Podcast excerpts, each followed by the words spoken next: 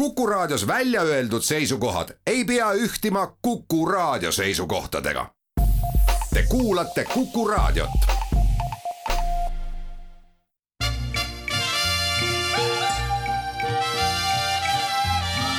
välismääraja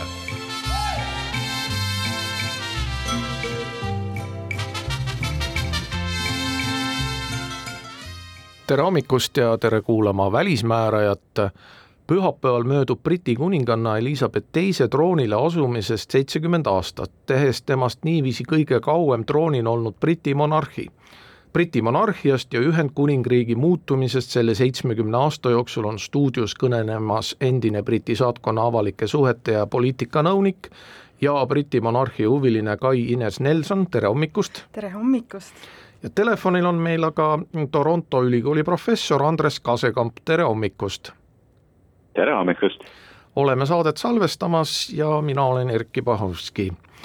ja no meenutagem siis seda, et kuidas Elizabeth teine troonile sai, et, et ta oli ju väga noor, umbes kahekümne viie aastane ja kui tuli surmateade tema isa surmast, siis ta oli ju tegelikult Keenias ja no ma küsingi, Kai, Ines, võib-olla sinu käest kõigepealt ja Andres saab pärast täiendada, et et tundus, et kuninganna on selline nooruke ja selleks ametiks sobimatu, et kuidas siis oli, et kas ta sai nagu sellega hakkama, selle, selle raske kandamiga, sest sellepärast, et et kuningannaks olemine on ju ikkagi raske töö? Jaa, see on täiesti õigustatud küsimus, sellepärast et tõepoolest ta oli noorukene, ta oli ema, abikaasa, aga kindlasti ma arvan, et ta ei oodanud, et see, see amet ootab teda juba nii, nii varsti, sellepärast et kuigi mm, tema isa, kuningas George'i tervis oli olnud juba paar aastat kehva, siiski mm, ma usun, et nad ei oodanud, et, et see troonil asumine võiks nii äkitselt äh, toimuda. ja ma arvan, et, et tolleks ajaks noh, see seitsekümmend aastat, mida me nüüd vaatame, seda troonijuubelit, äh, eelmisel nädalal avaldati äh, selline statistika et, et kaheksakümmend viis protsenti brittidest mäletab oma eluajal ainult Elizabeth teist. ja kui meiegi mõtleme seda seitsekümmend aastat, siis kahekümne ühe aastaselt Äh, oli see äh, raadiokõne, kus ta tõotas siis, äh, et kogu tema elu kuulub riigi ja rahva teenimisele ja ja kui me vaatame seda seitsekümmend aastat, siis kindlasti see niimoodi on ka olnud, et kuninganna on oma sõna pidanud headel aegadel, rasketel aegadel ja tänasel päeval, mm, kuigi tavapärane küsimus on, et et kuidas on siis see aeg olnud, kõik on olnud nii kuidagi vanamoeline ja vanapärane, ainult üks teenimine ja pühid, pühid pühendumus, äh, aga sellegipoolest, mida kauem ta on troonil, seda rohkem ka seda hinnatakse, nii et mulle tundub, et ta on hästi hakkama saanud. no Andres, mis sina ütled? no ma saan sellega ainult nõustuda, aga ma ütlen, et kui ta siis troonile tõusis täitsa niimoodi ootamatult äh, noorena, siis see oli kindlasti Briti ühiskonnale selline värske tuul. Eks ole, noor naisterahvas, et see oli nagu harjumata, aga sa-, samas ma arvan, see läks nagu väga kaasa seal viiekümnetel äh, Briti ühiskonna vaimuga, mis oli noh, Briti ühiskond oli ise nagu moderniseerumas ja, ja muutumas pärast teist maailmasõda. Ja see oli, andis natuke optimismi äh, riigile, mis oli rääsitud sõjast ja andis nagu sellist rohkem äh, tulevikuvaadet, noor uus inimene troonil Ähm, mis oli selline noh, traditsiooniga selles mõttes natuke teistsugune teistsuguse nägemusega kui, kui, kui varasemad äh, troonil olijad. ja kogu selle pika perioodi ajal ta on muidugi äh, saanud suurepäraselt hakkama ja nüüd ta on, eks ole, üks kõige, kõige kauem, kes on äh, üldse olnud. Ja, ja tema noh, no väärtus ütleme, ühiskonna silmis on aina kasvanud selle, selle aja jooksul, et, et muidugi seal vahepeal on olnud nuisemist ja skandaale, aga tema on olnud see äh, majakas või, või ankur, kes on seda kõik äh, monarhiat äh, ja Briti ühiskonda koos hoidnud, seda ühiskonna sidusust äh, hoidnud.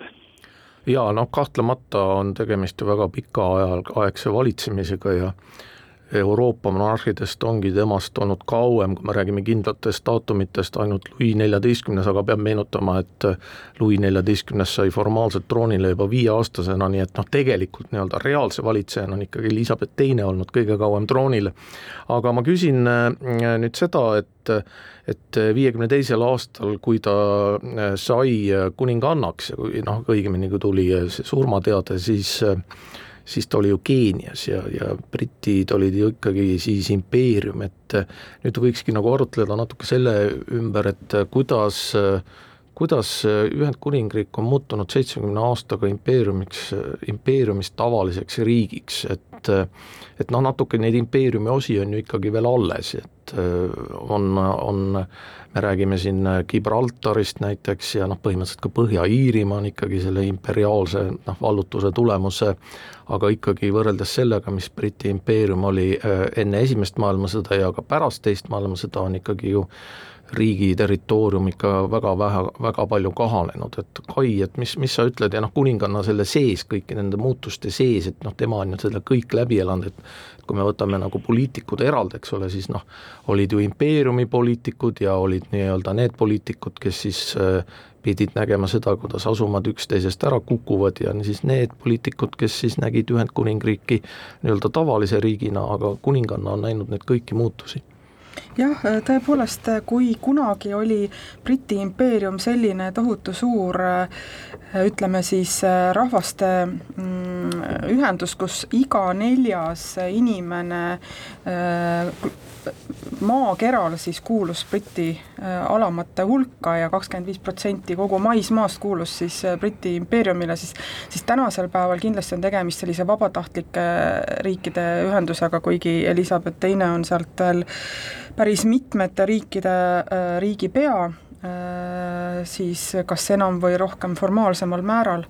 aga, aga tänapäeval, kus kuninganna roll siiski on, ja ta on südamega selle rolli juures, edendada nende Briti Rahvaste Ühenduse riikide heaolu ja, ja, ja majandust ja, ja kultuuri, ähm, äh, siis, siis kunagi loomulikult oli see mõõtmatult võimsam, võimsam jõud ja, ja kindlasti ka noh, globaalse majanduse mootor, et, et ma arvan, et äh, et siis, kui äh, Elizabeth teise isa suri, äh, kes oli selle Briti Rahvaste Ühenduse suur mootor, läks see teatepulk Elizabeth teisele üle ja tema samuti võttis selle maailm, selle siis Briti Rahvaste Ühenduse edendamise omale südameasjaks, aga kindlasti ei olnud see võib-olla see oli nagu ütleme siis niimoodi, et et läbiseilamine nendest, nendest rahututest aegadest, sest sinna mahuvad ju nii, nii äh, siis peale maailmasõda küll India äh, lahkumine, küll, küll äh, kõik muud rahutused, mis, mis mis seda on tabanud, aga ka tänasel päeval ma arvan, et kuninganna on selle rolliga, selle selle rolliga suurepäraselt hakkama saanud, sest hoolimata sellest, äh, mida kõike võiks äh, Briti impeeriumi äh, nii-öelda taagaks siis nagu pidada, on siiski tegemist väga sõbralike riikide ühise jutu, jutu, jututoa ja, ja, ja, ja ühendusega, et, et, et minu meelest samamoodi pigemini nähtakse kuninganna rolli seal positiivsena kui, kui mingisuguse kaugete äh, raskete aegade kajana no Andres, mis sina ütled, sa oled ju tegelikult praegu ka nii-öelda ühes endises impeeriumi osas, et ja, ja dominionis, et et noh, siia võib-olla lisaküsimus ka, et millest võib-olla natuke pikemalt ka võib arutada, et et kuidas siis praegu Briti Rahvaste Ühenduse osad näevad Briti kuningannat, sest noh, tegelikult ju formaalselt Briti kuninganna on nende riikide riigipea ja noh, hiljuti oli näiteks uudis, et Barbados loobus siis sellest staatusest, et Barbados hakkas vabariigiks, aga Kanada vist ei, ei kavatse veel hakata? ei, Kanadas sellist meeleolut küll ei ole, et, et Kanada sai enda põhiseaduse kaheksakümne teisel aastal, et ta sai alles täiesti iseseisvaks, suveräänseks kaheksakümne teisel aastal. Äh, praeguse peaministri Trudeau isa ajal, Pierre Trudeau äh, ajal. Ja mm, Kanada puhul on ikka kuninganna ametliku tiitliga Kanada kuninganna. Ja puht teoreetiliselt, kui Suurbritannia ütleks lahti kuninga perekonnast, siis ta jääks edasi Kanada kuningannaks, sõltumata sellest, mis toimub Londonis. ja, ja praegu ei ole üldse mingit sellist diskussiooni, noh, vahetevahel mõni inimene ikka tõstetab seda, aga laia avalikkuses seda noh, kuninganna Elizabeth on väga populaarne ja ilmselt selle institutsiooni populaarsus rajanebki väga palju just tema isiksusele. et saab näha, kui tema lõpuks lahkub siit maailmast ja Charles tõuseb troonile, kes on märksa vähem populaarne äh, tegelane, et kas siis meeleolud äh, muutuvad. Aga kui vaadata need sarnaseid riike nagu Kanada, siis on muidugi Uus-Meremaa ja Austraalia ja see on just Austraalias, kus on olnud rohkem sellist äh, vahetevahel äh, vabariiklikke äh, meeleolusid või neid, kes on nõudnud sidemete katkestamist, aga see on võib-olla ütleme rohkem Austraalia en-, ühiskonna oma, omapära, sest seal naaberriik Uus-Meremaa on alati olnud kuidagi rohkem britimeelne kui Austraalia, kes on olnud sellise ütleme, Londoni suhtes äh, mässumeelsem kui kui, äh, kui äh, Kanada või, või Uus-Meremaa. aga kui minna tagasi sinu selle algse küsimusele, siis kuninganna on tõesti üle elanud kogu selle äh, Äh, asumaade iseseisvumise, mis äh, noh, sai suure alguse Aafrikas viiekümne seitsmendal aastal, kui äh, kuldrannik ehk siis Ghana iseseisvus ja siis see suur laine oli kuuekümnete, kuuekümnendate algul ja Briti impeeriumi puhul läks see suhteliselt rahumeelselt võrreldes teiste impeeriumitega, prantslased ju viiekümnendatel võitlesid verist sissisõda Põhja-Aafrikas, äh, Algeerias näiteks ja ja portugaallased äh, võitlesid äh, Aafrikas Mosambiigis ja Angolas veel seitsmekümnendate aastatel. Et see brittidel, see impeeriumi asumaade iseseisvumine läks kuidagi rahumeelsemalt ja ja sujuvamalt kui mõne teise impeeriumi puhul, aga kindlasti on jäänud, ma arvan, Briti ühiskonda selline ähm, impeeriumi meelsus, isegi kui inimesed seda endale ei, ei teadvusta, siis selline nagu suhtumine, et kunagi on oldud selline globaalne impeerium, eks ole, impeerium, millele päike kunagi ei loojunud, nii laiahaardeline, et selline nagu suhtumine, et Suurbritannia on ikka teiste riikide suhtes midagi erilist ja teistest kuidagi üle ja teistest kuidagi parem, sest impeeriumil oli ju see õigustus äh, kahekümne sajandi algul kuni selle lõpuni ikka, et see on selline noh, toob tsivilisatsiooni ja kultuuri äh, Aafrika ja ja Aasia hõimudele äh, ja, ja kristlikku äh, usku, nii et see nagu üleolev suhtumine on võib-olla ikka kuidagi sinna ja nostalgia on ikka jäänud Briti ühiskonda, kuigi see on jäänud aina vähemaks. Ja muidugi Briti ühiskond on tohutult muutunud sellega, et kui need äh, endised asumaad said iseseisvaks, siis oli päris palju väljarännet seal, ehk siis sisserännet äh, Suurbritanniasse oma endistest kolooniatest, mis on omakorda siis äh, muutnud äh Briti ühiskonna palet teeme siinkohas väikese pausi ja tuleme tagasi mõne hetke pärast.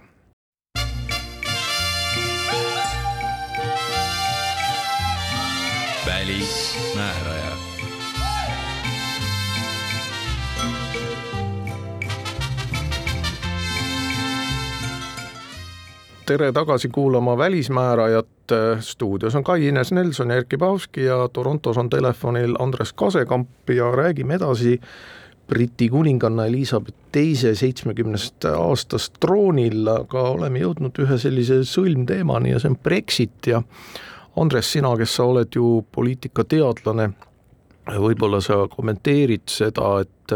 kas see Brexit tähendas siis ikkagi ka nende impeeriumi meeleolude tugevnemist ja noh, võtame siis sinna juurde tõesti selle kuningakoja, et et väga palju vist ei ole teada, mida kuningakoda Brexitist arvab.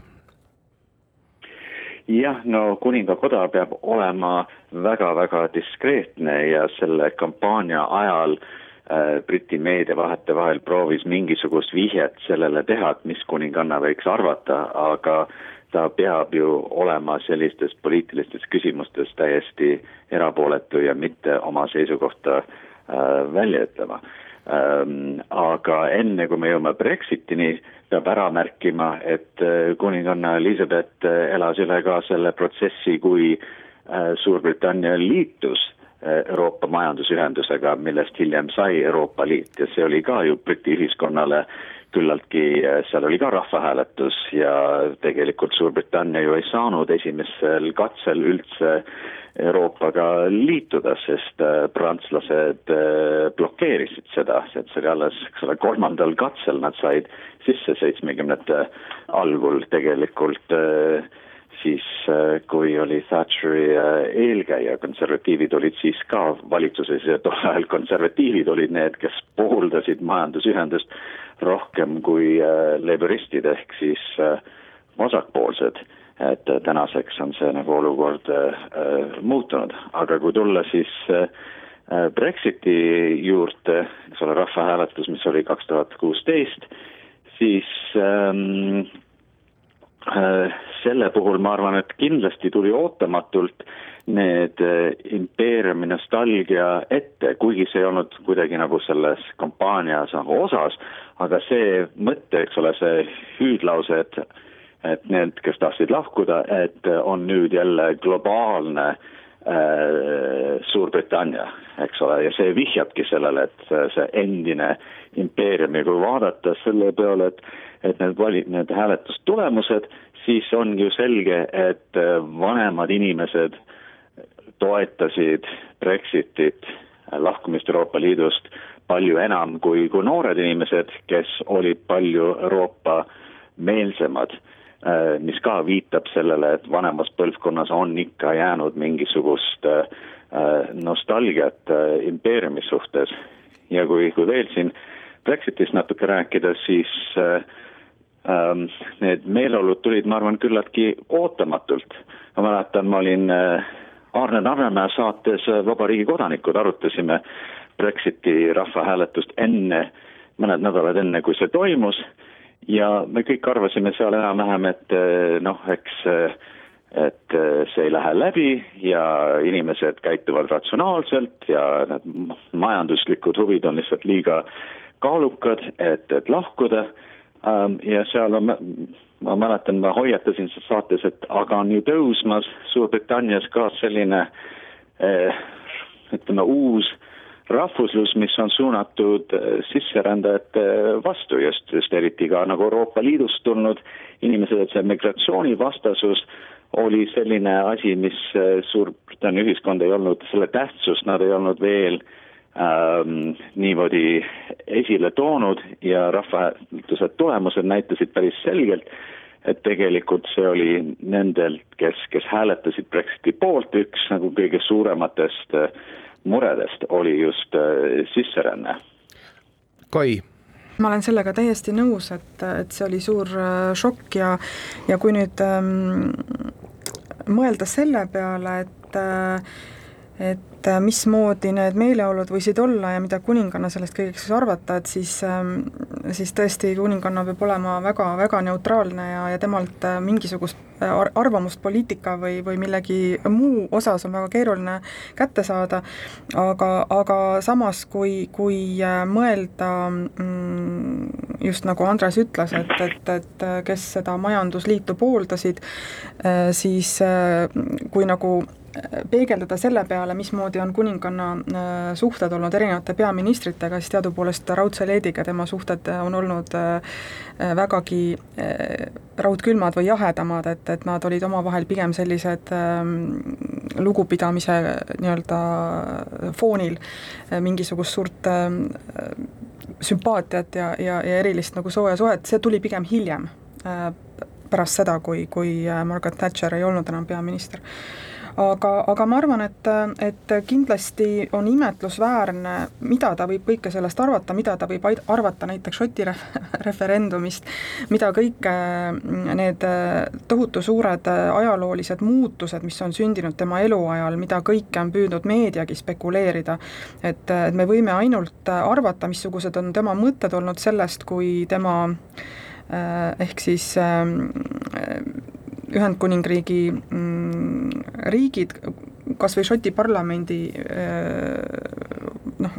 mõjuvõimu tõusu vaadates ja, ja nende iseseisvusmäära nii-öelda tugevnemist vaadates, et missugused on need mõtted, et minu isiklik mõte, kui, kui Brexit äh, jõustus järgmisena, oli see, et mis nüüd saab, kui kuninganna valitsemise ajal äh, näiteks Šoti valib, et, et tema soovib olla iseseisev Euroopa Liidu liige mis oli ju tegelikult äh, järgmine spekulatsioon, kui Brexit toimus. Ja no siit edasi ma tahakski küsida, sa ise vihjasid siin ka juba, et kuningannal on olnud erinevate peaministritega erinevad suhted ja tegelikult hakata mõtlema, siis see on ikkagi päris fantastiline, et et noh, teatavasti peaminister, enne kui ta saab peaministriks, peab käima visiidil kuninganna juures, on selline väike audients. Ja noh, need, kes ei ole näinud Netflixis seda filmi The Crown ehk Kroon, siis seal on nagu nii-öelda lavastatud siis see kohtumine ja, ja peaminister siis peab ka põlvile, põlvele laskuma, et kuningannaga siis nagu suhelda ja nii edasi. Ja, ja see, see on omalt ka, omalt poolt ka koomiline, aga ma mõtlen sellepärast fantastiline, et kuninganna, praegune kuninganna on kohtunud nii Winston Churchilliga kui ka Boris Johnsoniga. ja, ja juba need kaks inimest, eks ole ju, näitavad seda, kui palju on Briti poliitikas muutunud. just Äh, ma olen äh, kuulnud ka seda või lugenud õigemini, et, et need pooletunnised audientsid, mis peavad siis olema äh, peaministriga kord nädalas kuningannal, et Winston Churchilliga need võisid vabalt kahetunniseks venida ja, ja nende suhe oli väga soe ja ja tõepoolest südamlik, et ja siis peab meenutama ka seda kuninganna vanust, eks ole, et Winston Churchill just, oli siis just, väga vana ja kuninganna just, oli selline nooruke just. ja nüüd on nagu põhimõtteliselt just. ju vastupidi. aga tegelikult seda paralleeli võiks või, viia ka kuninganna kuninganna Victoria peale, kes samuti oma esimese peaministriga oli väga südamlik ja soe suhe, mis kestis läbi terve nende elu. sest teadupoolest kuningannaga etiketi rikkus nii palju, et Winston Churchilli matustele ta saabus enne Winston Churchilli perekonda nagu kirikusse. et, et, et sealt me võime näha, kui palju seal seda tegelikku suurt sidet on, on, on taga ja kui palju need erinevad isiksused noh, ja suhtes nendega ka on, on näha olnud või natukene, kes võib-olla soovib seal taga mingisugust isiklikku momenti näha. mäletatavasti ka peaminister Blair, kui printsess Diana suri, aitas tegelikult nii kuningannat kui kuninganna pere läbi selle raske leina ja oma positiivse ja, ja toetava hoiakuga nende suhtes ja, ja sedagi, sedagi me oleme võinud näha, et et tegelikult läbi nende raskete perekondlike momentide ka tugevnevad suhted kuninganna peaministritega, et et ma usun, et äh, väga tahaks olla kärbes sellel seinal ja näha neid vestlusi ja jutuajamisi, sest ilmselgelt äh, on kuningannaga väga suur ja tõeline poliitika, välispoliitika ekspert. oleks väga-väga huvitav kuulda tema arvamusi kõikidel nendel teemadel, paraku meil see võimalus puudub. no Andres, mis sina ütled, et kui palju üldse Briti kuningakoda saab äh, Briti poliitikat mõjutada? no see ongi tema tähtsam roll, eks ole, selle peaministri määramine, aga see on muidugi ainult äh, puht formaalsus, mida see enamusega partei on ise otsustanud, et äh, kes on oma juht, kes moodustab valitsust, aga seda formaalsust on ikka vaja läbi teha. Ja kindlasti on neil ikka sisuline vestlus ka ja arvatavasti kuninganna on alati väga hästi ette valmistatud ja väga informeeritud ja, ja tunneb asjade vastu äh, huvi ja kindlasti annab mingit kasulikku näpunäited peaministritele, sest on eh, nii mitmed neist eh, ise eh, üle elanud. no ja nüüd pöörame korraga siis sellise kollasema lehekülje ja, ja räägime, kui me räägime kuningannast, siis on ikkagi ju see, et selle seitsmekümne aasta jooksul on kuningannad saatnud ka ikkagi igasugused skandaalid, noh, me siin juba printsess Dianat mainisime, kõik see lahutus, prints Charlesi ja Diana lahutus, aga ka praegu, eks ole äh,, Harry ja Meghan ja pluss siis see skandaal, mis on seotud prints Andrewga, noh, ega need kõiki ei oskagi nagu kohe nagu välja tuua, kõike, nimekiri on päris pikk, et aga Kai, et et mis sa ütled, et miks, miks need skandaalid nii, nii palju tähelepanu äratavad, me jõudsime siin ju rääkida sellest, et et reaalselt ju Briti äh, kuningakojal ei ole Briti poliitikas nagu mingisugust võimu, noh, võib-olla kuskil tagatubades on ja mingid varjundid võetakse üle ja kindlasti kuningannat kuulatakse, aga, aga otsuseid langetavad ju ikkagi Ühendkuningriigis teised inimesed. Ja ometi, kui me näeme neid skandaale ja mitte ainult skandaale, vaid ka noh, ütleme abiellumist ja, ja ja siis seda, kui äh, kuningakoja liige kuhugi läheb, siis on see tähelepanu on ju väga suur võib-olla ongi huvitav mõelda sellele, et mida, mida väiksemaks on läbi siis selle tohutu pika ajaloo kujunenud äh, kuningapere ja monarhi äh, tegelik võim, äh, seda suuremaks kuidagi on kujunenud tähelepanu tema isikule, väärtustele, perekonnaelule, kõikidele selle nendele nüanssidele, mis on, mis, mis on seotud siis just nimelt väärtustega, mida ta kannab. ja ühelt poolt võiks öelda seda, et loomulikult britid on seda ise suurepäraselt brändinud, mida suuremaks on muutnud, muutunud tähelepanu kuningaperekonna või ütleme siis sellele mm, Briti kuninglikule perekonnale, äh, seda, seda, seda võimsamaks on muutunud tegelikult ka nende roll, noh, globa-, globaalne roll, et tänasel päeval me võtame välja ükskõik mis mm, uudisagentuuri kodulehe või, või mingisuguse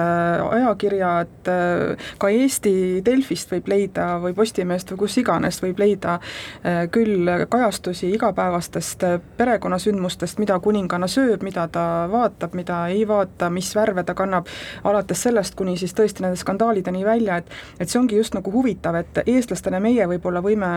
selle nii-öelda natukene sellest äh, tundest osa saada, meil on olnud üks selline meie riigipea eraeluline skandaal, mis on välismeedias suurt tähelepanu pälvinud, aga neil toimub see igapäevaselt. Ja, ja võib-olla üks põhjus, miks ma, ma ise olen mõelnud, miks, miks see võiks niimoodi olla, on just see, mida Andres ka ütles äh, selle saate alguses, et et kuninganna on kujunenud äh, selle äh, mässuliste aegade või mässlevate poliitiliste või siis ühiskonna pöördelistel aegadel teatud mõttes ankruks, Äh, majakaks, teenäitajaks, ta ise on väga kõlbeline ja ja tema väärtused ja, ja missioonitunne on väga kõrgel paratamatult, äh, aga ka nendes, selles muutuvas ühiskonnas on muutunud ka kuninga perekonna äh, privaatsus ja, ja nende nende, nende võiks öelda isegi roll, sellepärast et et ütleme, kuninganna enne ta kroonimistseremoonia oligi võib-olla üks see hetk, mida me võime ajaloos kuhu tagasi minna ja öelda, et sellest hetkest muutus ka Briti meedia, mis on äh, tohutu suurt rolli mänginud kõiges selles võimeld-, võimendamises, selles brändimises, et britid, kes on teadupoolest kõige äh, noh, peensusteni, filigraansusteni äh, valda, valdamas seda pompöössuse, tseremooniate kunsti, mida kõik me suurepäraselt teame, hindame, millest me väga lugu peame, siis ühelt poolt see, see pompöössus, see bränd, kuningaperekonna bränd, see, mida kuningannana nagu kuninganna juures peetakse kõige britiliku kehastuseks ühelt poolt, sest see on, see on nagu brittide iseloomus ja, ja, ja nagu nendes identiteedis nii sügavalt sees, et ühelt poolt see on nagu niisugune love-hate relationship, et ilma selleta nagu ka ei saa, kuigi sa kritiseerid, jälgid neid igapäevaelu, seda tõsielu seriaali, mis meie ees lahti rullub igapäevaselt ja, ja justkui mõnes mõttes kõik need, ka need negatiivsed skandaalid ja kõik need kurvad sündmused, mis kuninganna elus on, me justkui kõik elame sellele kaasa, me valime justkui pooli, rooli, me justkui mõtestame seda lahti nii kas või välispoliitiliselt või eraeluliselt, aga ometi see kõik läheb meile kuidagi korda. et ma arvan, et, et äh, kui need suured skandaalid, ütleme see aasta, mis nüüd on äh, läbi saanud, äh, kindlasti on kuninganna elus olnud üks kõige raskemaid, kui mitte kõige raskem, et isegi raskem kui see Annus Horribi-, Horribilis, mida ta, mida ta mainis tuhat üheksasada üheksakümmend kaks, kus, kus tema kolm last, nende abielud purunesid ja kus Windsori loss põles ja äh, selle sellest hoolimata kuidagimoodi kõik see on kaasa aidanud sellele, et, et nende populaarsus ja tema isiklik populaarsus on tõusnud, tänasel päeval ta ongi kõige populaarsem kuningliku perekonna liige ja, ja see, mis võiks teda olnud kõige rohkem kõigutanud, siiski kuidagimoodi on pöördunud selleks, et, et me hindame temas neid asju, mis olid temas olemas juba seitsekümmend aastat tagasi, täna veel rohkem kui kunagi varem, et ma arvan, et see on fenomen, mida kindlasti võiks uurida väga pikalt. teeme siin taas väikese pausi ja tuleme tagasi mõne hetke pärast.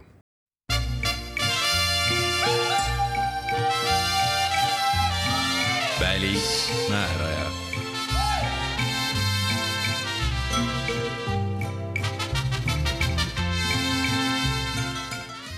tere tagasi kuulama Välismäärajat, stuudios on Kai Ines Nelson ja Erkki Bahovski ja Torontos on telefonil Andres Kasekamp.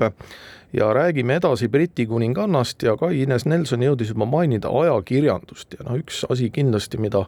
Briti kuninganna puhul ja üldse kuningakoja puhul tuleb mainida, on see, et kuningakoja tegemised on muutnud Briti ajakirjandust päris palju, noh juba kas või see, et kuidas televisioonis siis kanti üle Elizabeth teise kroonimistseremooniat, aga sinna otsa siis ka kõik muu printsess Diana skandaal, ka kuninglikud pulmad nii Catherine kui Williami ja, ja Harry ja Megani vahel. Ja nii edasi ja nii edasi, et noh, tegelikult ju äh, Äh, Briti kuningakoda eesotsas kuningannaga on ju ka noh, tegelenud nii-öelda avalike suhetega, PR-ga ja, ja, ja nii-öelda see, see nii-öelda vastastikune suhe ajakirjandusega on äh, neid saatnud kogu selle seitsmekümne aasta jooksul, Andres no Briti kuninga perekond on äh, kõige kauem jooksev seebiooper, ehk siis on kõikidele jutuaineks äh, ja, ja meelelahutuseks ja need on juba hästi tuntud äh, karakterid juba äh,, keda kõik oskavad kommenteerida. see on nagu inimesed. omalaadne Õnne kolmteist ühesõnaga. või vaprad eilsed. jah, jah, jah, aga ta on lihtsalt väga-väga pikka aega ja kõik tunnevad, et noh, me nagu tunneksime neid inimesi, nendest on nagu nii palju räägitud, me oleme neist, nendega üles kasvanud, et on tekkinud selline pikaajaline suhe suhestamine nendega. nii et see on olnud Briti kuningakojale ka väga raske ülesanne, et leida seda õiget tasakaalu, eks ole, Elizabethi algaastatel, kui televisioon oli alles äh, äh lapsekingades, siis äh, oli see ikka väga suure distantsiga, aga aeg edasi, siis äh, Briti meedia on olnud palju lähemalt äh, ja sissetungivam äh, kuningliku perekonna elusse, just eriti, eks ole, Diana ajal see, see muutus ja nüüd on muidugi sotsiaalmeedia ajastu, mis ka teeb kõik, võimendab kõike ja muidugi kõige viimane skandaal, äh, mis võib-olla jääbki kõige valusamaks, ongi äh, prints Andrew olukord, eks ole, kus ta on süüdistatud USA-s alaealisega seksimises Äh, ammu selle kurikuulsa Epsteini, äh, Jeffrey Epsteini kaudu, et see skandaal, sellest skandaalist me kuuleme vist päris palju järgnevatel kuudel ja võib-olla aastatel ja see on nagu päris suur hoop äh, kuninga perekonna mainele ja eriti kuna Andrew oli siiamaani ka Elizabethi lemmik. Aga kui Kai rääkis varem, et, et, et Elizabeth ise on nii äh, väärikas ja selline moraalne majakas, see on pigem nagu erand äh, selliste monarhiate puhul, sest tegelikult kõik need skandaalid, millest me oleme rääkinud, ei ole ütleme pikemas ajaloos plaanis midagi erilist. et see on lihtsalt, et inimesed on näinud seda lähemalt tänu äh, ühiskonna muutumisele, ühiskonna ootuste muutumisele ja, ja, ja ajakirjanduse rollile, ehk siis varem ajaloos kõiksugused kuningliku perekonna inimesed said kõiksuguste sigadustega ja skandaalidega ja armukestega hakkama ja see oli nagu tavaline osa sellest, lihtsalt äh, inimesed sellest ei teadnud nii lähedalt ja ei saanudki sellest rääkida. No Kai ajakirjandusest veel, et, et noh, tegelikult ju ka kuningakoda ise on ju ka kasutamas sotsiaalmeediat ja nii edasi, eks nad õpivad ka, aga aga see surve jah, Briti ajakirjanduse poolt on ju ikkagi meeletu, et ja noh, ma meenutan ka, et Briti ajakirjanduses on, ajalehtedes on tööl inimesed, kes ongi spetsialiseerunud kuningakoja tegemistele, kes tegelevadki hommikust õhtuni ainult kuningakoja asjadega. just, ja mäletatavasti, kui praegu, kui kuninganna Elizabeth teise onu siis, kes troonist loobus, tegelikult Briti valitsus ju ka samamoodi tükk aega hoidis seda, neid arenguid kinni, isegi olid kokkulepped väljaannetega, et Briti äh, rahvas ja, ja, ja kogu maailm ei saaks teada, mis tegelikult toimub, siis tänasel päeval see on täiesti mõeldamatu. ja, ja võib-olla see tõesti kulmineerus, kogu see mm, äh, paparatside ja, ja kõik see tohutu klapperjaht kulmineerus printsess Diana surma, surma, surmaga ja pärast seda ka on olnud selline vaikiv äh, nõusolek äh, ilmselt, et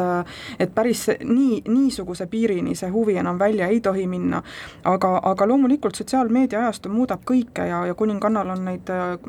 ehk siis Briti kuninglikul perekonnal on neid mitmeid ja, ja sealgi nad ajavad sellist väga konservatiivset joont, aga, aga loomulikult nüüd me ju kõik huviga ootame seda prints Harry eluloo raamatut, mis on ilmumas ja mis sealt kõik veel võib välja kooruda, see skandaalne intervjuu Oprah'ga, mis tegelikult ma kujutan ette, äh, pani ka teatud mõttes äh, oma pitseri paljudeks-paljudeks äh, aastateks ka vendade vahele, siis prints William ja prints Harry, nende suhe, mismoodi see kujuneb. ja, ja ma arvan, et võib-olla see meediasuhe kui selline ja, ja kõik see, mida me sealt otsime, on, on, on tegelikult ju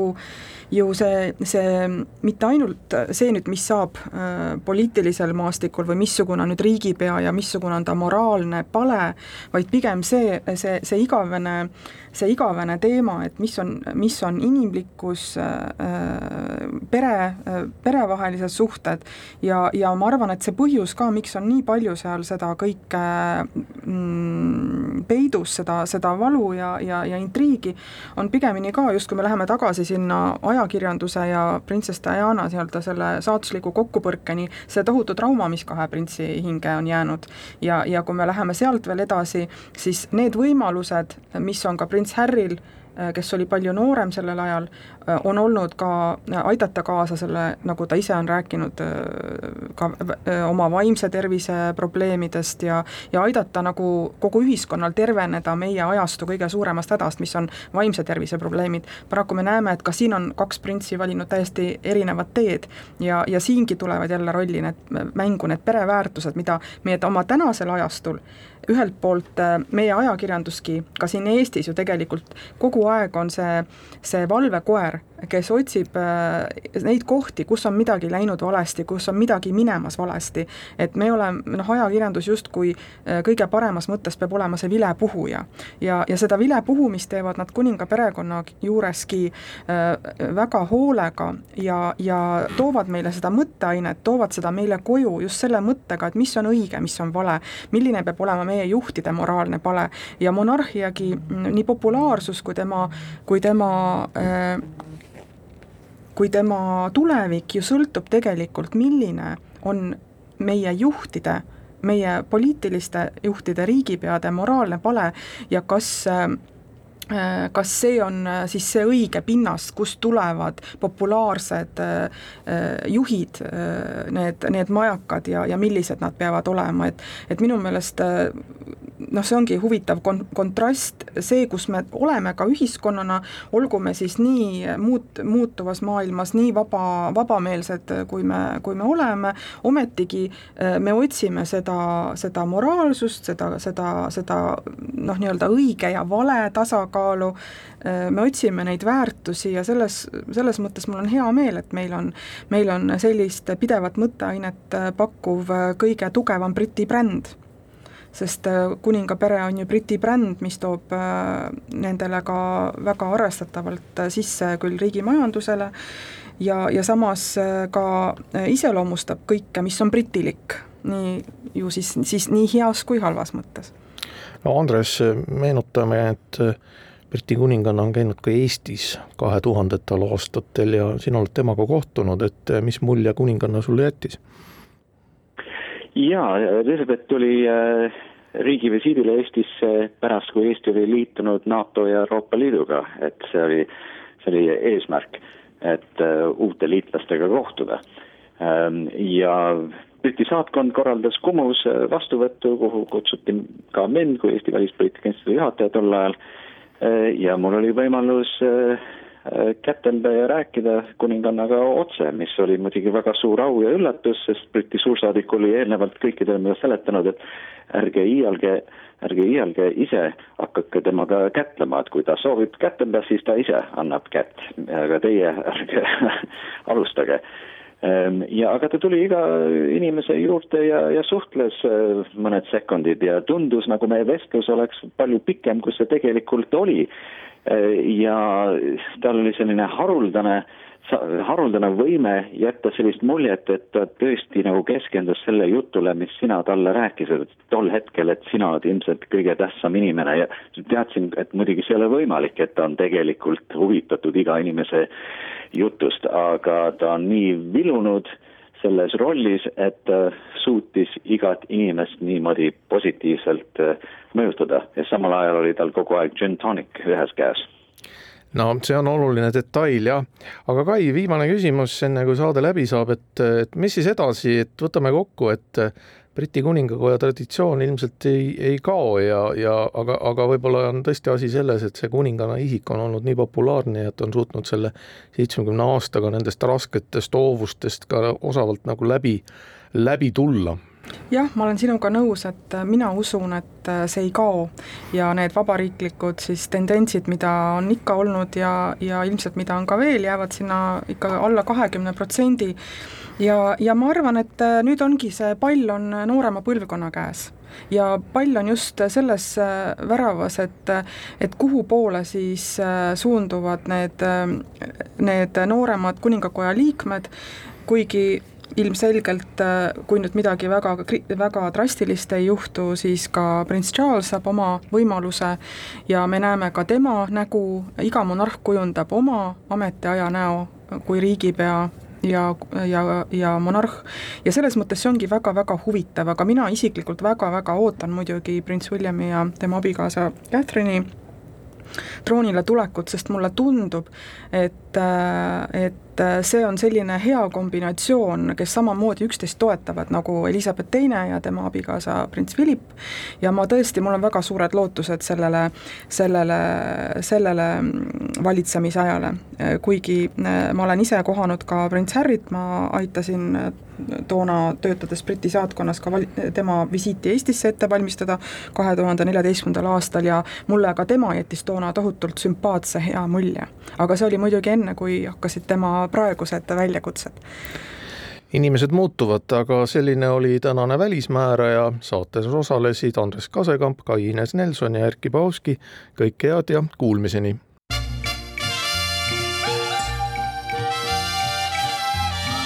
välismääraja.